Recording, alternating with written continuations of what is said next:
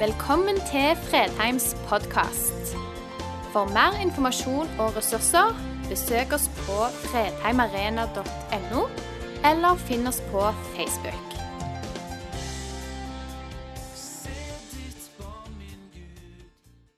Hjemme i kjelleren min så har jeg en dør som ikke er bredere enn den må være. Fordi den står i en sånn ca. 40 cm tjukk mur, og på utsiden av døren møtes av en vegg som går på skrå innover mot døren, så er det ikke særlig lett å bære noe ut og inn av denne døren. I mange år var det en kjellerstue, og der nede hadde vi to stoler som vi av og til måtte hente opp når vi fikk gjester og det var litt av en prøvelse. Hver gang jeg skulle bære opp de to stolene, måtte jeg først skru av beina på stolene. Og så måtte jeg vinkle de på en helt spesiell måte for i hele tatt å komme gjennom døren. Og Jeg kan bare innrømme her og nå at det var sjelden jeg kom på hvordan de måtte vinkles på første forsøk. Og det var ikke rent sjelden at eh, en viss irritasjon vokste, og lettere svettetokter fulgte for å få opp de to stolene. Velkommen til gudstjeneste på Kirkens bot og bønnedag. Dette er altså dagen da Jesus taler om den trange døren. En dør som attpåtil en gang skal lukkes. Bots- og bønnedagen er òg dagen for ganske store og avgjørende spørsmål. Og Et sånt spørsmål blir Jesus konfrontert med i dagens tekst. Og det er ikke et spørsmål av den enkle sorten. Hør. Herre, er det få som blir frelst? Og Vi leser dagens tekst fra Lukas evangeliet kapittel 13, vers 22-30 i Jesu navn. På reisen til Jerusalem dro Jesus fra by til by og fra landsby til landsby og underviste. Da var det en som spurte, 'Herre, er det få som blir frelst?' Han sa til dem, 'Kjemp for å komme inn gjennom den trange døren.' For jeg sier dere, mange skal forsøke å komme inn, men ikke klare det. Når husherren først har reist seg og lukket døren, og dere blir stående utenfor og banker på og sier, 'Herre, lukk opp for oss', da skal han svare, 'Jeg vet ikke hvor dere er fra'. Da vil dere si, 'Vi har jo spist og drukket sammen med deg, og du har undervist på gatene våre.' Men han skal svare, 'Jeg vet ikke hvor dere er fra.' Bort fra meg, alle som gjør urett. Der skal dere gråte og skjære tenner, og når dere ser Abraham og Isak og Jakob og alle profetene i Guds rike, mens dere selv blir kastet utenfor. Fra øst og fra vest, fra nord og sør, skal mennesker komme og sitte til bords i Guds rike. Da skal noen som er de siste, bli de første, og noen som er de første, bli de siste. Slik lyder Herrens ord. Bots- og bønnedag det høres jo ut som gufse fra en fjern fortid. Noe som bekrefter manges opplevelse av kirke som er fullstendig utdatert. Og dermed noe som du fortest mulig vil skyve til side. Men det kan òg være en gyllen mulighet til å reflektere over livet og troen. En ekstra mulighet, en ærlig dialog med deg sjøl og med Gud om troen virkelig er sunn og sann og ekte, sånn som Jesus vil at den skal være. Og jeg håper inderlig at du vil velge det siste.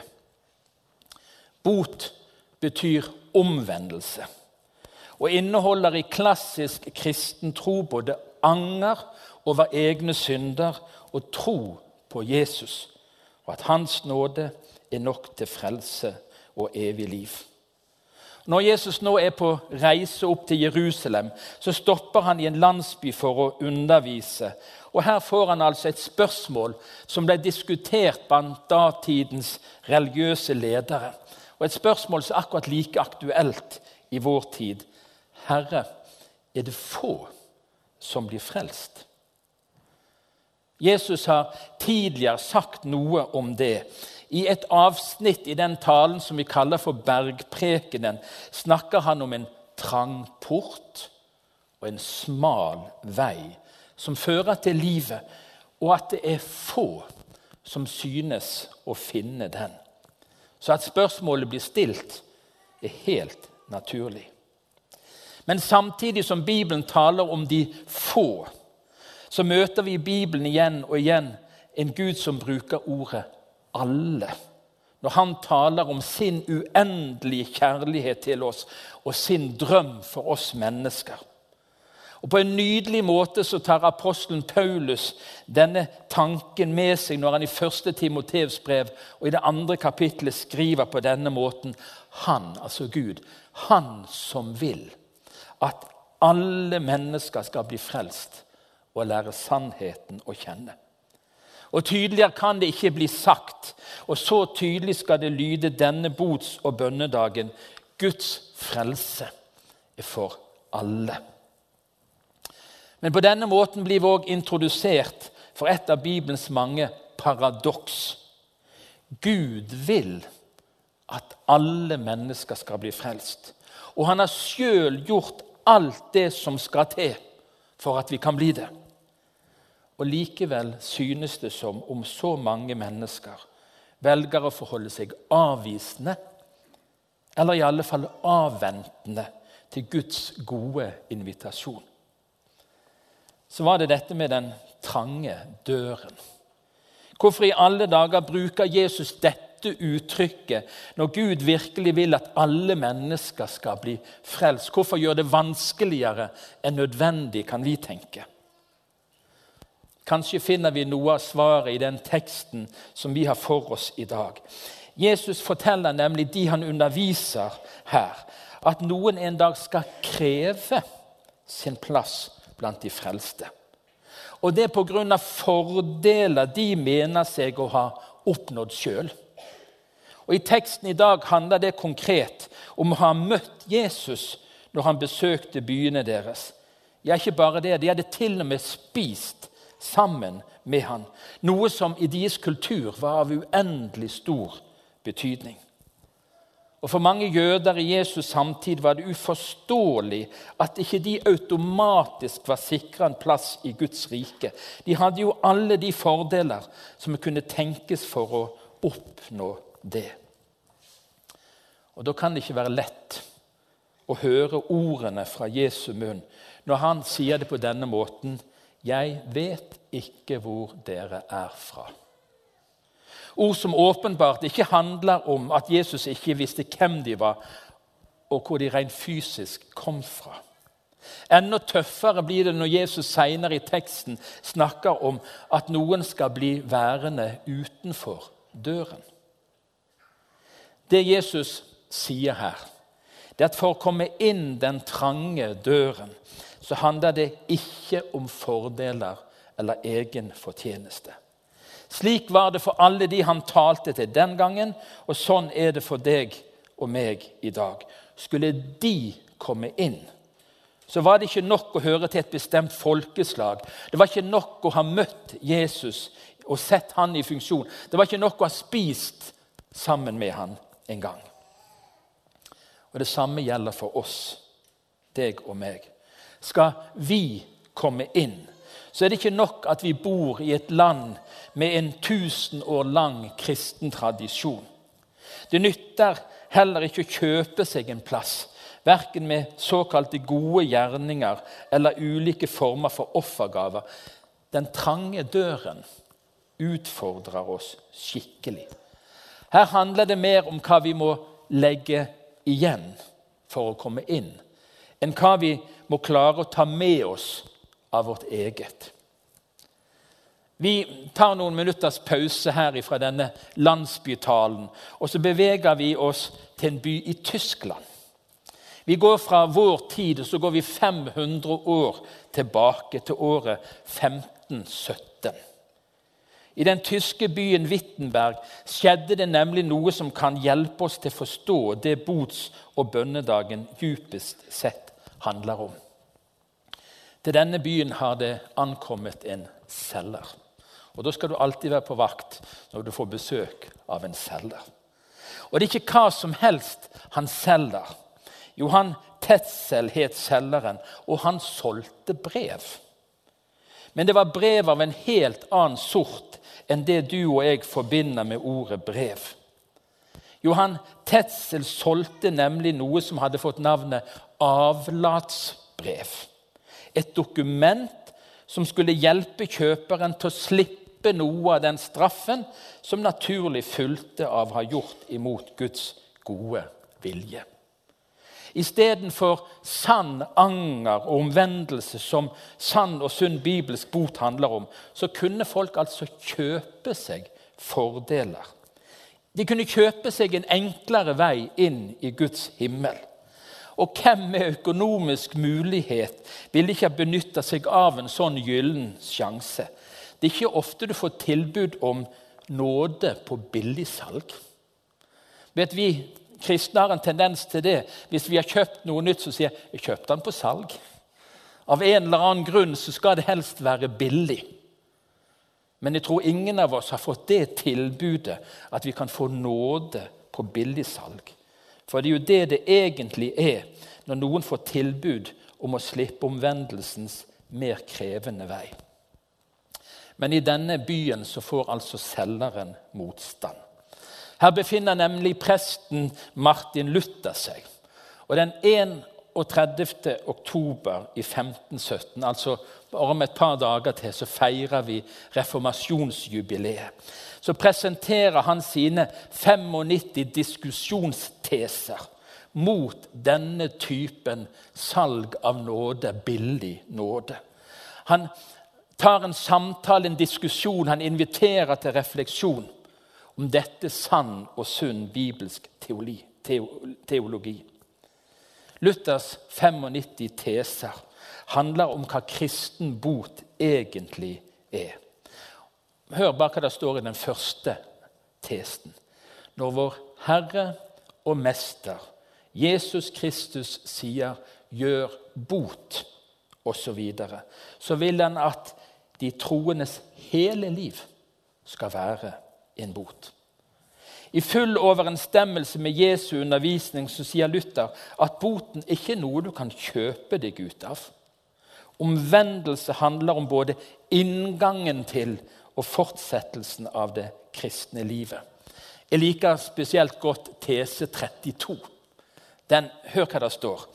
Enhver sann kristen, enten han er levende eller død, har del i alle Kristi og Kirkens goder, også uten avlatsbrev. Det handler ikke om noe vi kan kjøpe eller gjøre oss fortjent til. Luthers kamp mot avlatshandel var en kamp om både den sanne boten og den sanne troens innhold. Like så lite som vi kan kjøpe oss en enklere vei inn i himmelen, like fornyttes er det stole på at noen av våre åndelige øvelser eller andre forsøk skal hjelpe oss det minste med å bli frelst. Den trange døren gjør det umulig å komme gjennom bærende på vårt eget. Til og med våre gode gjerninger kommer i veien. Det som gjør at vi kan komme inn gjennom denne døren, det er ene og alene Guds nåde. Noe vi ufortjent får del i ved den sanne boten ved omvendelse og tro på Jesus Kristus. Mange år etter Luther, i tiden rundt den andre verdenskrig, sto en annen tysk teolog fram og sa noe av det samme. Presten og nazimotstanderen Dietrich Bøhnhofer skrev i boken 'Etterfølgelse' om billig nåde. Og hør hva han skrev. Det finnes en billig og en dyr nåde. Den billige er Kirkens dødsfiende fordi den er en nåde uten etterfølgelse, uten kors og den levende Jesus Kristus. Og Da beveger vi oss tilbake igjen til landsbyen, hvor Jesus fortsetter samtalen med innbyggerne. En samtale som fremdeles er like aktuell for deg og meg. Og Om samtalen hadde vært utfordrende så langt, så ble det ikke enklere når Jesus fortsetter med å tale om at døren ikke bare var trang. Det haster faktisk med å komme inn gjennom den. Og det står når husbonden først har reist seg og lukket døren. Slik leste vi. Og med det så innfører Jesus en eller annen form for tidsfrist Guds nåde er for alle og er vårt eneste håp. Men nåden har altså en tidsfrist. Nå skal ikke vi begi oss inn i noen spekulasjoner om det. Dag og time, som Jesus sier et annet sted, det overlater vi trygt i Guds hender. Men like fullt så gjør vi lurt i, klokt i, å ta til oss det Bibelen sier. I et spennende avsnitt i brevet til hebreerne, i det tredje kapittelet, kan vi lese Derfor, som Den hellige ånd sier, i dag, om dere hører Hans røst, så gjør ikke hjertene harde. Og Allerede profeten Jesaja, som levde mange hundre år før Jesu tid, sier noe om dette. Hør hva han sier. Søk Herren mens han er å finne. Kall på ham den stund når han er nær. Det er en tidsfrist for å komme inn gjennom den trange døren. Når det gjelder å respondere på det Gud taler til oss, så er alltid dagen i dag den beste. Det gjelder både når han minner oss om å gjøre bot, og når han kaller oss til å slå oss i følge med han. Og når jeg satt og arbeidet med dette, så kom en nydelig strofe fra Erik Bys sang. Dagen i dag, den kan bli vår beste dag. I Bibelen handler det alltid om i dag. Kall på han den stund han er nær. Det er en tidsfrist til å komme gjennom den trange døren. Nåden har en tidsperiode som gjør den ekstra nær og aktuell for oss. Og hvorfor i alle dager skulle noen av oss utsette å handle på Guds gode tiltale, enten gjelder det ene eller det andre? Hvis Gud er den han sier han å være, sier seg å være, så er det bare å slå til. Så nærmer vi oss avslutningen på teksten. Fra øst og vest, fra nord og sør skal mennesker komme og sitte til bords i Guds rike. Og da er det ikke få lenger. Det viser seg at gjennom historien er det millioner på millioner som har sagt ja til å gå gjennom den trange døren for å bli frelst. Deretter så jeg en så stor skare at ingen kunne telle den, av alle nasjoner og stammer, folk og tungemål. Sånn står det i Johannes' åpenbaring. Litt av et syn. En blanda forsamling. En salig blanding av mennesker fra alle stammer og språkdialekter. For en blanding. Og salig fordi de har mottatt og oppnådd toppen av tilfredshet, en lykke ikke basert på ytre omstendigheter, men på å vite hvor en hører til, og hvem som har sørget for at vi får lov å komme hjem. Takk for at du valgte å høre på. Nye opptak legges ut hver uke. Vi har gudstjenester hver helg, og du er hjertelig velkommen.